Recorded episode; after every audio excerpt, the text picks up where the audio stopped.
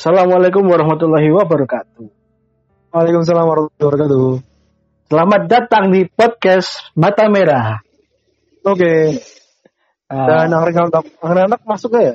Masuk. masuk deh. masuk Tom, masuk. Oke, Oke. jadi kali ini kita akan membahas hal-hal yang eh, lumayan lumayan agak berat ya sebenarnya ya. Oke. Oke, oke. Ya lumayan lah. Itu kita akan membahas tentang ini apa? eh, keresahan yang sebenarnya agak dekat dengan kita. Ya. Jadi di sini kita pernah melihat ada ada suatu tweet dia isinya itu ini buat orang tua orang tua yang anaknya akan masuk kuliah Mhm. ing- ingat ya Pak Bu menyekolahkan anak itu kewajiban orang tua bukan Ya. utang bakti anak yang harus dilunasi kemudian Hmm. hari. Pertanyaannya kuliah itu kuliahnya anak itu emang benar-benar kewajiban dari orang tua nggak sih? Nah menurutmu gimana Mas? Kalau orang tuanya mampu wajib. Itu kalau jawaban itu pengennya kayak itu. Kalau orang tuanya wajib, kalau orang tuanya mampu ya wajib. Ya. Tapi kalau nggak Kalau menurutmu, mampu- kalau menurutmu, Kalau menurutku itu selama mampu itu wajib. ya. Tapi itu ya kalau kita kan berbicara ketika membicarakan ini kan berbicara tentang ekonomi keluarga gitu ya. Iya, iya. Eh, sebenarnya ini tuh kalau menurutku ya ini tweet ini itu lebih pas kalau misal sesama orang tua yang ngomong gitu loh maksudnya ya kan secara Ya, secara ya. adab gitu kan Yes, yes. secara sesama orang tua Hmm. jadi nggak ada kesan menggurui nah Ya. kalau ini yang ngomong malah anaknya itu malah jadinya kurang ajar ya nggak Ya, ya. nah, nah, itu dikembalikan ke keadaan keuangan keluarga Ya. Jadi ada ada keluarga yang ya memang mampu dan anaknya juga Hmm. mau gitu loh. Jadi Tapi kan keluarganya mampu anaknya mampu. Itu kan nggak Ya. jadi masalah lah ya. Ya oke, oke. ada juga yang keluarganya mampu tapi anaknya nggak mau. Ya itu ada juga, itu ada juga kan. Ah, Ad- ada anak orang orang tuanya itu nggak mampu tapi anaknya pengen hmm. kuliah. Nah ini sebenarnya itu gimana ya?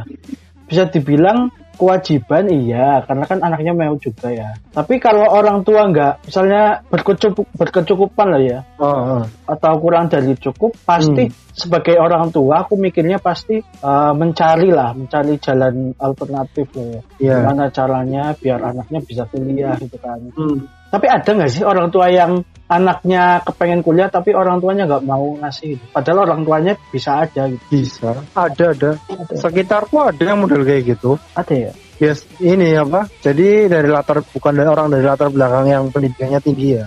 Mm-mm. Biasanya itu orang kayak pedagang gitu, dia punya kayak kayak punya toko atau dan dia tuh bisa sukses tanpa harus kuliah apa harus sampai kuliah. Dia Hmm. pendidikan paling cuma SMA aja kayak nggak nyampe deh. Cuma SD apa SMP lah. Nah, itu dia tuh percaya, wah apanya kamu sekolah tinggi tinggi, apa orang tua aja cuma sampai SMP aja bisa punya usaha yang apa cukupan kayak gini. Kok mending kamu udah mau usah kuliah, kamu nerusin usaha orang tamu udah beres kayak gitu. Tuh ada, Pak. di lingkunganku ada yang kayak gitu. Berarti kan bisa disimpulkan di sini apa? ya? Kok udah disimpulkan? Parah. Jangan dulu. Ini masih jauh, masih jauh. Jadi Baru Bisa di- lima menit. Bisa Ya. ditarik ini ya, ditarik garis merahnya itu benang Ya. merah. Sebenarnya ini hubungan timbal balik lah ya, saling saling memahami gitu kan. Iya, iya. Anaknya harus paham tentang kondisi keluarga, apa keuangan keluarga, orang tuanya juga paham tentang kepengenan Ah. anaknya gitu. Iya. Tapi aku yakin sih banyak banyak orang tua yang pengen menyekolahkan anaknya untuk tinggi gitu. Walaupun nggak mampu ya. Banyak tapi nggak sedikit juga yang nggak pengen, nggak pengen juga ada. Ya, Ada yang pengennya ya udah sekolah nggak usah tinggi tinggi.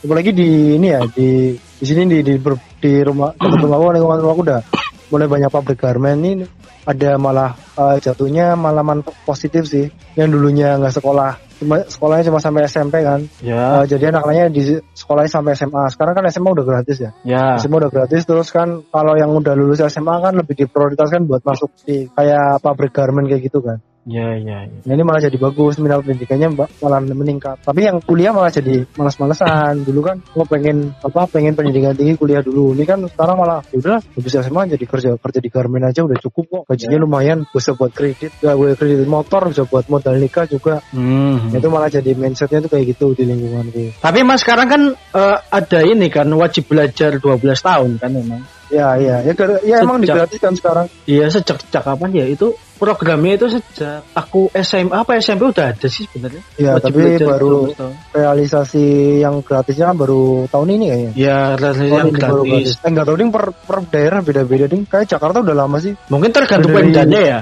Iya, tergantung itu Pemprov kayaknya. Pemprov apa apa Pemda sih? Kan Oh, Pemprov ding, kalau- SMA SMA Pemprov. Iya kalau SMA pemprovnya.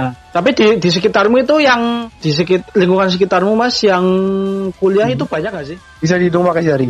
Bisa dihitung ya? Bisa dihitung satu Oh. desa aja bisa paling belasan lah belasan paling yang Oh iya iya. Tapi emang yang dari circleku juga yang dari teman-teman Hmm. SD gitu, ya Ya. emang bisa dihitung jari sih yang bisa Ah. dibilang. Hmm. Jadi kan tergantung masih- ini kan, tergantung Iya.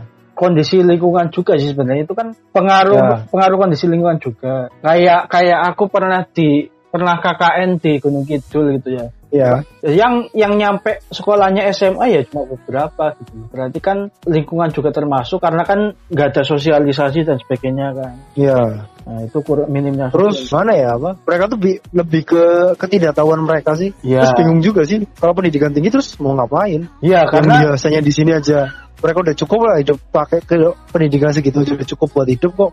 Mau Hmm, ngapain sekolah tinggi-tinggi buat apa? Ya, Toh, ya. Ujungnya pakai biaya lagi. Dan gitu. Ya, karena masih banyak yang belum tahu loh yang tentang kalau di kita kan ada bidik misi ya di Iya, sekolah iya. kuliah. Nah, itu ternyata banyak yang belum tahu termasuk di daerah kakakku Iya. dulu itu. Nah, baru sosialisasi kemarin. Oh, ternyata Hmm, hmm. ternyata kuliah itu nggak ngeluarin yang nggak ngeluarin duit juga ada gitu. ada ada.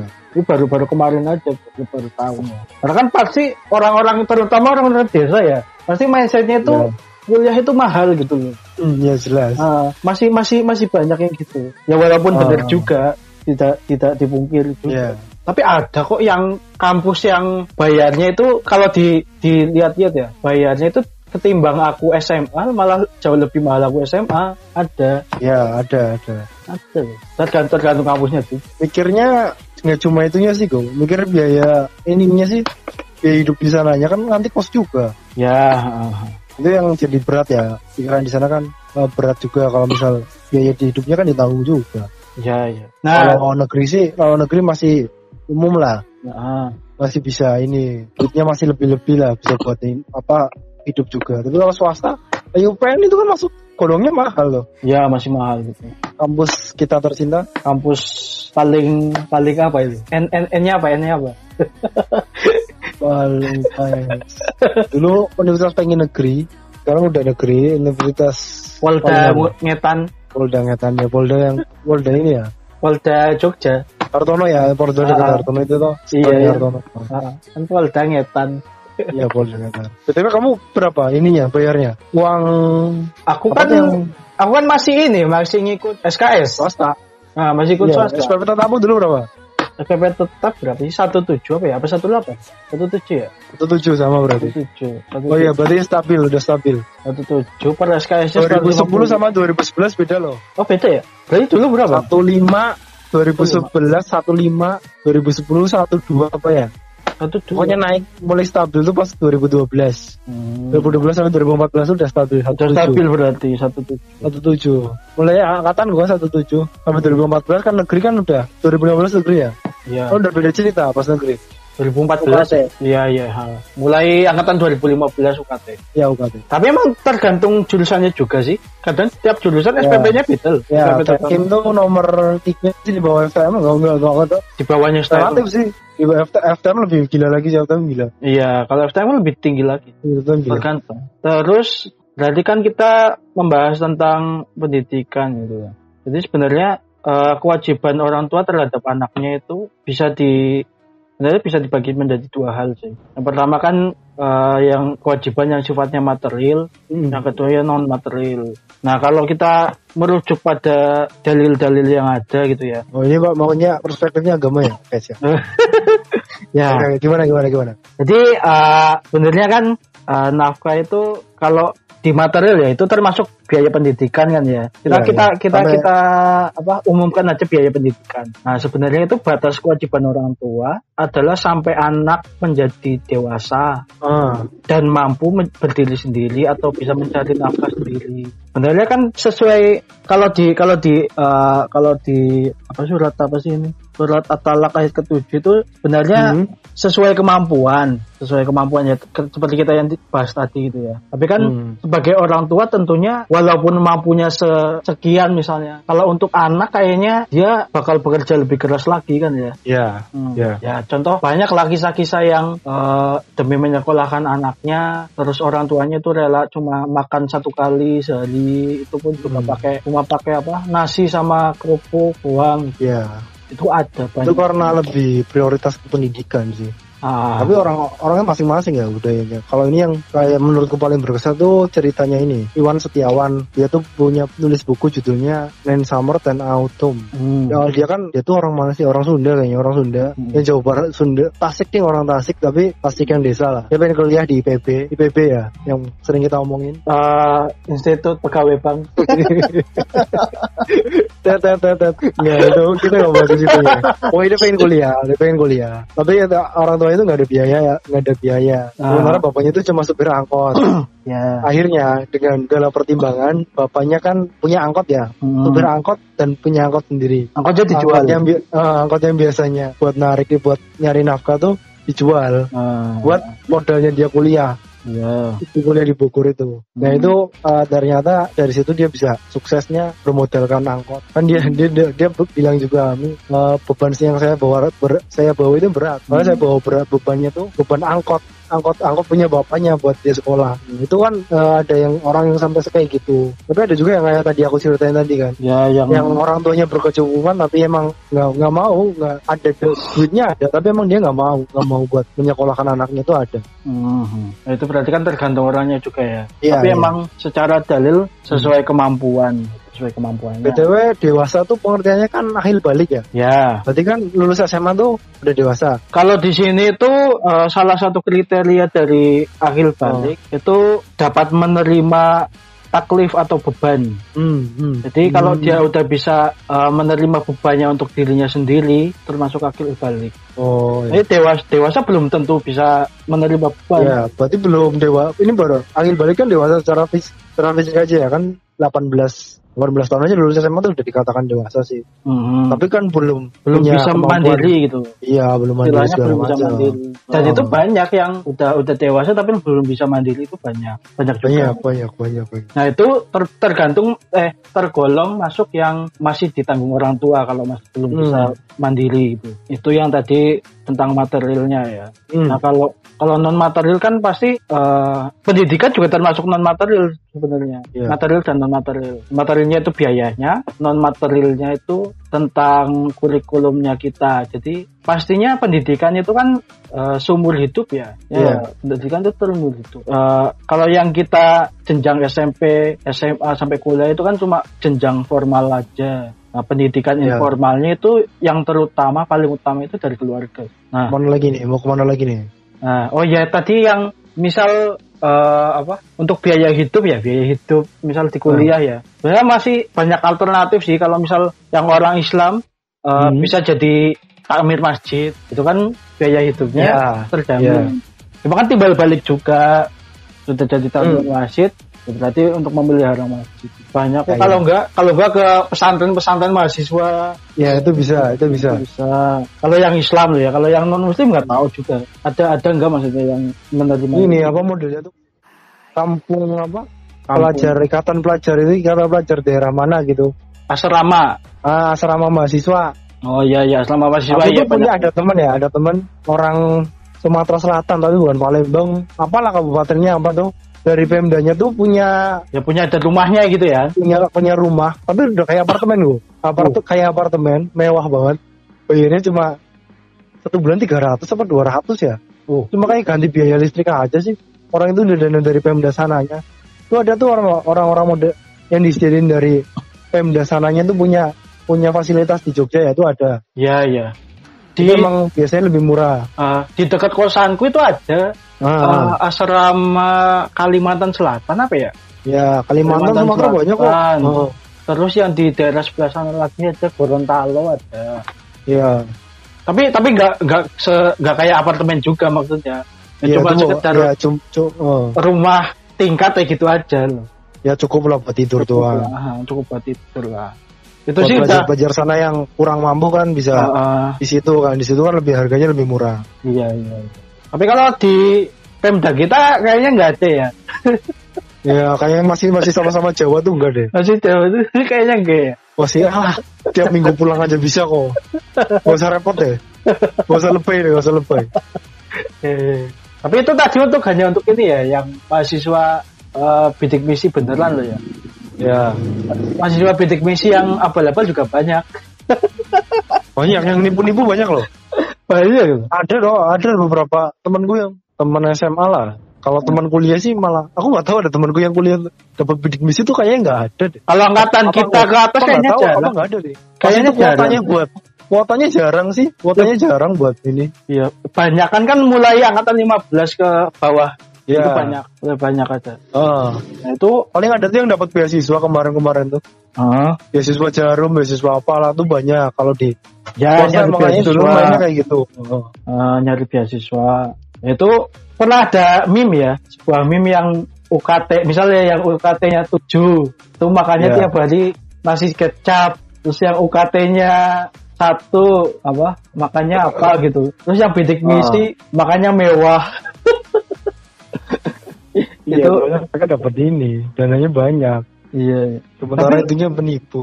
ya itu yang bidik misi abal-abal ya Iya.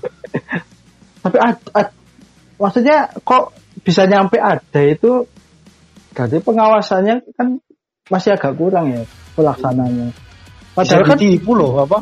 padahal kan itu survei kan Iya, bisa masih bisa ditipu loh. Makanya itu kadang tuh kayak rumahnya tuh bukan rumahnya dia deh orang. Kan dilihat rumahnya segala macam. iya di, didatengin kan Iya datengin. sampai Ada teman SMA aku dia dia ya, cukup lah kehidupannya cukup. Pas aku tahu dia dapat bidik misi. Hmm. Masa dia dapat bidik misi? Pasan dia cukupan deh. Orang tuanya juga udah lumayan kaya deh. makanya ini uangnya uangnya ini buat foya-foya ujung-ujungnya. Nah, iya Jadi nggak berkah ya. Eh, nggak berkah itu jangan ditiru itu makanya kalau ada mahasiswa bidik misi yang tiap bulannya ganti-ganti HP Iya. apalagi HP-nya iPhone itu Oh. perlu dipertanyakan itu orang tapi emang aku itu kalau beasiswa gimana ya aku itu mikirnya kalau beasiswa ya kalau ajarannya ajarannya siapa ya ajarannya guruku dulu apa gimana ya Gimana? itu kalau kamu masih mampu kalau keluarganya Hmm. masih mampu nggak usah lah nyari beasiswa gitu beasiswa Iya. hanya yang buat yang kurang mampu aja nanti kalau kita sebenarnya mampu tapi ngarepin beasiswa malah eh, doa kita terkabul gitu loh malah jadi eh, apa Oh malah jatuh miskin jadi ya? jatuh miskin gitu loh Oh, oh. karena kan secara tidak langsung mengamini Hmm. diri kita bahwa kita itu nggak mampu gitu loh Iya iya. itu ajarannya siapa ya ada ada yang pernah ngomong gitu lah Ada ada kayak gitu. Tapi ada juga beberapa syarat beasiswa tuh harus menyertakan surat keterangan tidak mampu segala macam. Itu Hmm. ada tuh. Ya, di ada, luar ada. beasiswa prestasi ya. Hmm. Nah, beasiswa prestasi yang jarum kan harus IPK-nya tiga apa kumlot segala macam lah. ya Terus konsisten tiga apa berapa tuh syaratnya emang susah sih nggak sembarang orang bisa dapat. btw cerita beasiswa kayak gini, aku pernah ada ini sih Eh kenalan lah, Hmm, tetangga sih masa hitungnya tetangga. Pengen dapetin beasiswa. Ya. Ceritanya di SMA sih, dia, dia ini apa? Padahal orangnya tuh kecukupan, camat loh gue, camat. Mm-mm. Bisa kebayangkan orang-orang camat tuh udah terpandang punya kekayaan. Tapi karena harus menyatakan surat tidak mampu, bela-belain bapaknya tuh ke kelurahan ngomong minta surat keterangan tidak mampu biar anaknya dapat ini Waduh. beasiswa. Itu Ah. demi demi demi ini demi beasiswa. Oh, Ada yang sampai gelap mata kayak gitu tuh ada. Oh ya pernah. Aku di SMA aku juga gitu. Di SMA itu sebenarnya ada dana ya, ada dana buat kelinganan ya. Tapi tapi dari pihak eh, sekolah itu bingung mau ngasih ke mana gitu. Ya, Jadi ya. Jadi itu nanti dikasihnya ke yang minta aja gitu. Jadi yang yang minta ya langsung dikasih. Kalau yang nggak minta ya ya nggak dikasih. Nah yang minta rata-rata itu banyak orang-orang kaya yang tiap Hmm. hari naik motor. gitu. Malah biasanya orang yang beneran miskin tuh malu loh kayak gitu tuh malu. Iya, kalau Malu. orang miskin tuh beneran itu malah malu. Ya, minta-minta Malu. gitu. Terus masa aku dibantu terus? Mending ya kalau memang malah biasanya mereka ge- gengsi lah. Gak nggak usah nggak malu malah bantu-bantu terus. Tapi banyak yang kayak gitu gitu. Hmm. nggak tahu karena eh, mal dari pihak sekolahnya nggak mau sosialisasiin atau gimana. Soalnya info itu tuh hanya segelintir orang yang tahu gitu. Iya kadang juga ditutup-tutupi emang nggak di ini kan nggak dikeluarin ke publik. Iya, kayak kayak ya nggak ada di papan pengumuman gitu tuh nggak ada. Golongan tertentu. Aku itu tahunya dari ini dari dari seniorku itu aku tahunya. Hmm. Ini ini kamu kalau pengen minta-minta aja itu orang yang yang yang dapat malah yang kaya-kaya gitu. Yang Iya. relatif relatif terpandang lah itu. Itu ada itu. Entah karena dari sekolah malas ngurusinya atau Hmm. gimana juga nggak tahu ya. Ya bisa sih. Ketika kamu pernah dapat beasiswa? Aku dulu sempat nyari, sempat nyari tapi nggak Hmm. sampai detik itu ya udahlah nggak usah lah. Pas. SD, SMP, SMA, Nggak sama sekali. aku juga pas kuliah nggak nyari sih. Emang pas kuliah aku punya prinsip mirip-mirip kamu kok. Hmm. Ya udah lah, Yang ya. yang butuh aja sih. Kok Hmm. orang tua masih masih punya ini sih. Ya masih masih Masih, masih, ada. mumpuni. Hmm. Ya udah biar yang membutuhkan aja. Iya, iya. Tapi pas SD dulu aku pernah dapat beasiswa kelas 5 atau kelas 6 tuh. Prestasi ya, beasiswa prestasi dulu. ya kalau prestasi mah nggak masalah ya. Iya, Oh, dulu kalau yang- pernah dapat.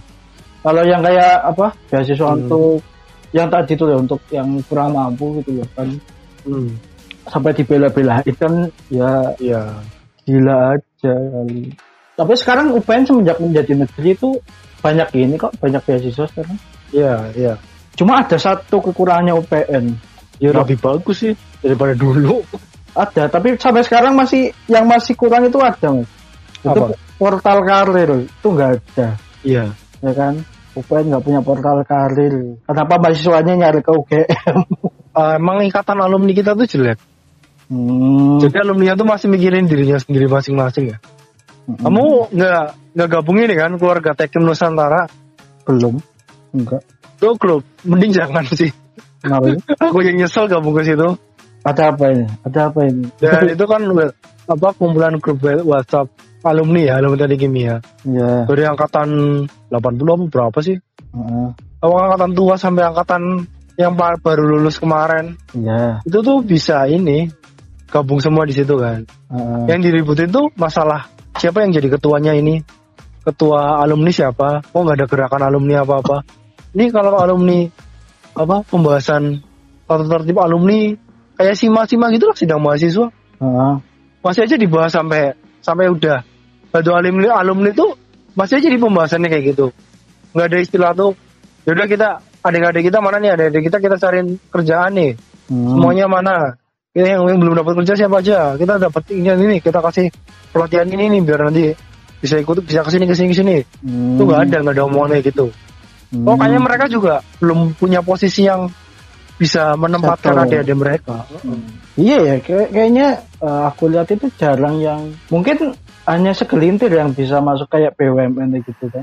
itu usaha mereka sendiri Sama Nggak ada usaha. sendiri kan. nggak ada peran-peran peran senior tuh nggak ada Nah, makanya jarang gitu lah aku lihat Hmm. eh, dominasi UPN di BUMN gitu.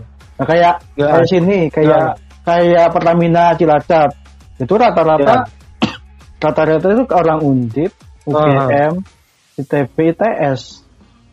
Itu dominansinya loh ya. Hmm. Yang UPN paling mungkin ada, tapi mungkin satu dua gitu loh. Enggak enggak dominan UPN tuh mainnya di kemarin tuh yang di Riau tuh di Riau apa itu. APP APP tuh Wah, banyak kan orang? UPN tuh tapi lama-lama udah pada bosan sekarang kayaknya udah berkurang udah enggak udah nggak banyak di situ Hmm, terus WHW yang di Kalimantan hmm. itu pabrik alumina apa ya? Itu banyak orang UPN kemarin awal-awal katanya yang oh itu pabrik baru sih. Katanya yang baru yang pegang orang UPN terus ya ambillah orang-orang banyak banyak angka banyak yang UPN yang alumni Tekim ya. Alumni Tekim UPN dibawa ke sana. Ya. eh kalau Tekim sih saya setahu gitu aja. Kalau nggak tahu kalau tambang geologi segala macam tuh kayaknya masih cukup kuat Hmm, alumninya masih benar-benar nyariin Iya, iya. Kayak aku juga nyari sendiri. makanya kalau yang bilang senioritas tuh menolong pas kerja tuh omong kosong aku berarti Tidak dong. omong kosong Tidak dong, tidak ada dong. nggak ada Tidak tapi ada. jangan dong. mengkotak-kotakan ya tapi bukan berarti ke, makanya kamu tuh jangan cuma kenal senior di, yang jadi HMTK segala macam doang Hmm, harus aktif- semua. Hmm. iya kalau kenal kenal senior ya kenal semuanya Hmm. bangun relasi jangan cuma kotak-kotakin dari senior tekim aja toh senior tekim nggak membantu kok Hmm. Bisa jadi. aku aja kemarin dapat apa dapat kerjaan pertama dari teman SMA infonya Hmm, hmm, ada beberapa teman tekim ngasih informasi sih hmm. tapi nggak nggak mesti nggak dari senior juga ya Hmm. teman karena kenal aja karena relasi Iya, iya. Bisa jadi jadi. mesti hmm. Ah, bisa jadi rezekinya kita itu dari lewat teman-teman yang lain itu enggak cuma teman-teman yang lain bisa siapa aja Heeh. Ah, bisa siapa. jadi jangan menutup tali silaturahim Hmm, hmm. Loh, kok bahasanya ke situ ya jauh Jauh sekali kita. Oh ya tadi jauh sekali jauh sekali ah, kembali ke awal. Berarti kita per- ah, ah, tentang kewajiban orang tua ya terhadap anak. iya oke Ah, nah sekarang kita balik kewajiban anak terhadap orang tuanya. Ya. Kemar- kemarin kan sempat viral gini loh. Eh, Yang Twitter lagi-lagi dari Twitter sih emang Oke. emang warga-warga Twitter. Ya, ya. Nah itu bilang kalau anak yang eh, ngasih duit ke orang tuanya atau berbakti ke orang tuanya sebagai robot gitu loh. Robot Ah. mesin mesin pencari uang keluarga. Sebenarnya kalau menurut pandangan pandangan kita gimana dong? Ini masuk pembahasan episode generasi sandwich. Nah, generasi Kamu sandwich udah tahu generasi sandwich? sudah, udah, udah paham, udah Nah paham. itu tuh aku pernah ngobrolin sama Gali. Ah, Gali itu tuh masuk eh di- eh, belum generasi sandwich juga sih. kan belum Kalau berkeluarga. generasi sandwich kan ini ya iya. Hmm. Tapi dia masih kayak Gali itu ini loh tulang punggung keluarga loh. Iya, iya. Iya, Orang tapi tuanya tuh dia Belum- orang tuanya nggak bekerja. ah, belum Tapi belum dia jadi. dia nafkahi keluarganya. Ya, Tapi kan itu dipaksa keadaannya. Tapi kalau udah generasi sandwich kan udah punya orang yang udah punya keluarga sendiri. Tapi juga ah, masih harus eh, mengirimkan uang untuk orang tuanya itu generasi sandwich. Hmm. Tapi kalau aku berkaca dari eh, kakak-kakakku ya, kakak-kakakku ya eh, di lain sisi mereka punya keluarga, Ya, terus di, ya tiap bulannya juga masih ngasih orang tua. Gitu. Itu di- besarnya udah ditentukan belum? enggak sih, tergantung mereka mau ngirim Hmm. berapa gitu.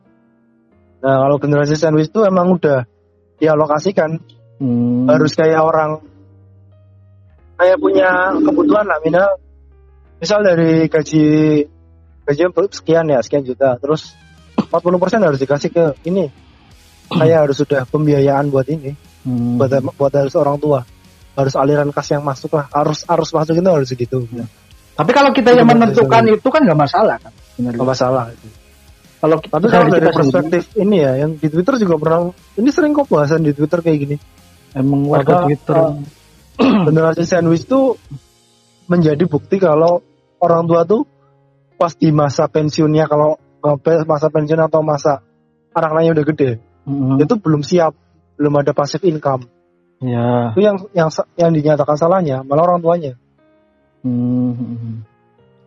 Kalau menurutku sih sebenarnya eh, apa ya? ter- itu kembali ke tadi sih eh, saling memahami itu sih.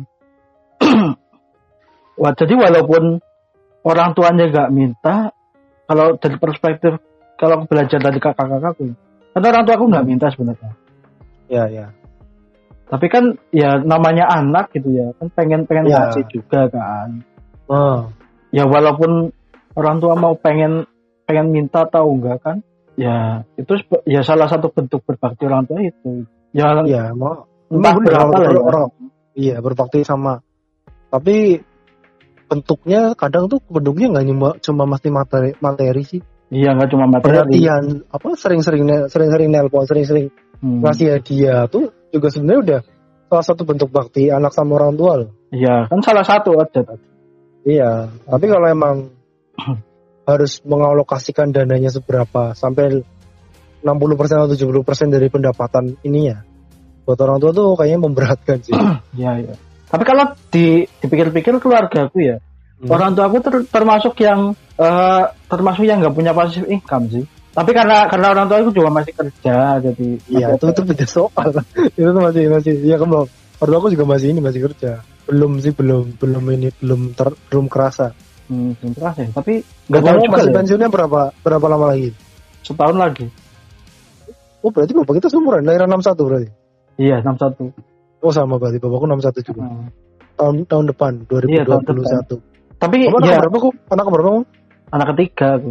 oh anak ketiga Ya sebenarnya kalau ini yang tak lihat loh ya nggak ada passive income-nya ya. Hmm. Nggak tahu kalau ada simpenannya lain loh ya. tapi Tapi emang- pensiunan itu passive income juga loh kok emang Oh, iya.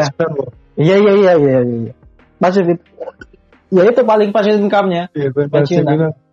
ini apa sih kayak orang yang pengusaha kayak karyawan yang setelah udah pensiun udah udah kan anak ada tuh karyawan karyawan iya, swasta ya Ah, Lu tunjangan bener-bener ada iya. ada ini nggak ada tunjangan kerja nggak Hmm, iya nggak ada. Kan cuma BUMN sama swasta yang gede lah. Kalau PNS kan masih dapat pensiun. Oh iya iya, aku melupakan itu.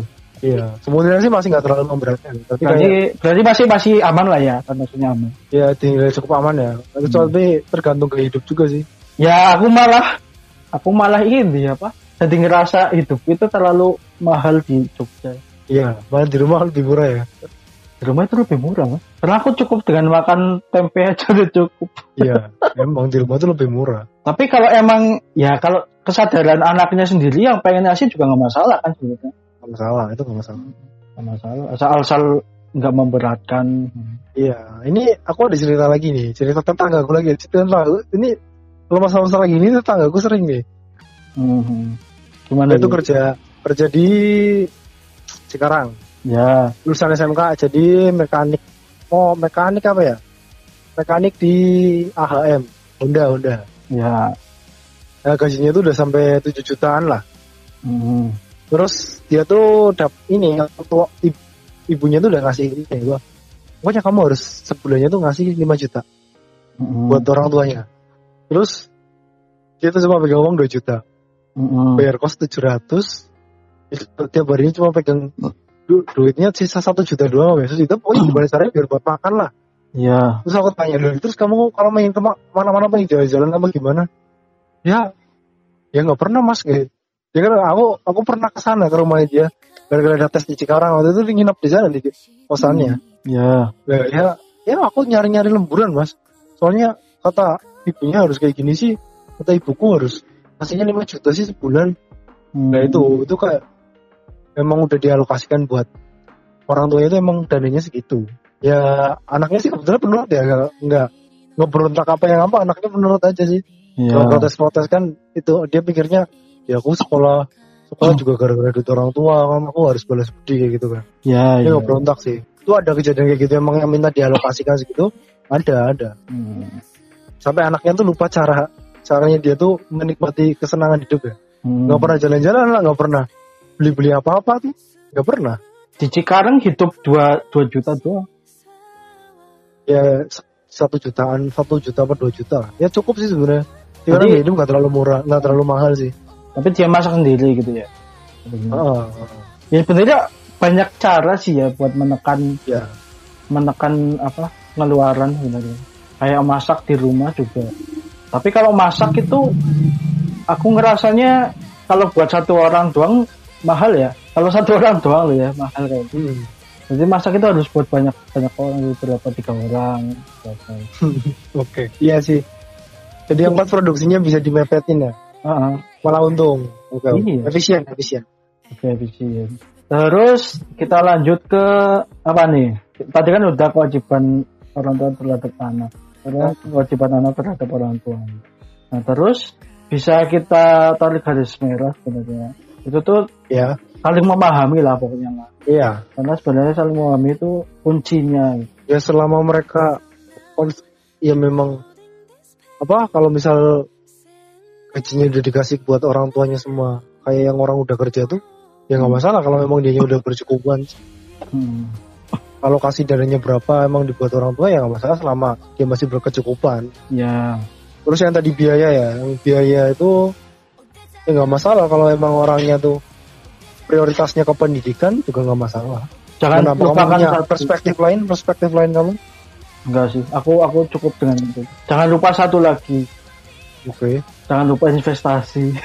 oh ini kan iya sih perencanaan keuangan ya Ah, ah. kita harus banyak-banyak merencanakan keuangan nih. iya benar benar Hmm. Aku udah di tahap ke itu loh apa mikir eh, keuanganku ke depannya mau gimana gitu.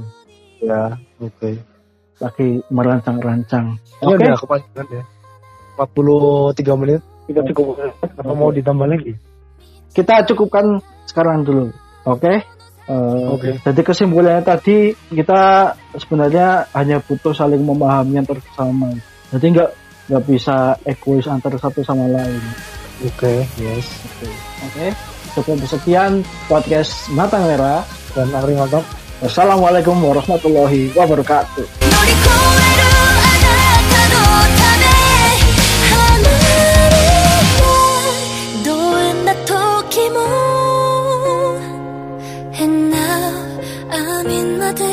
Oh.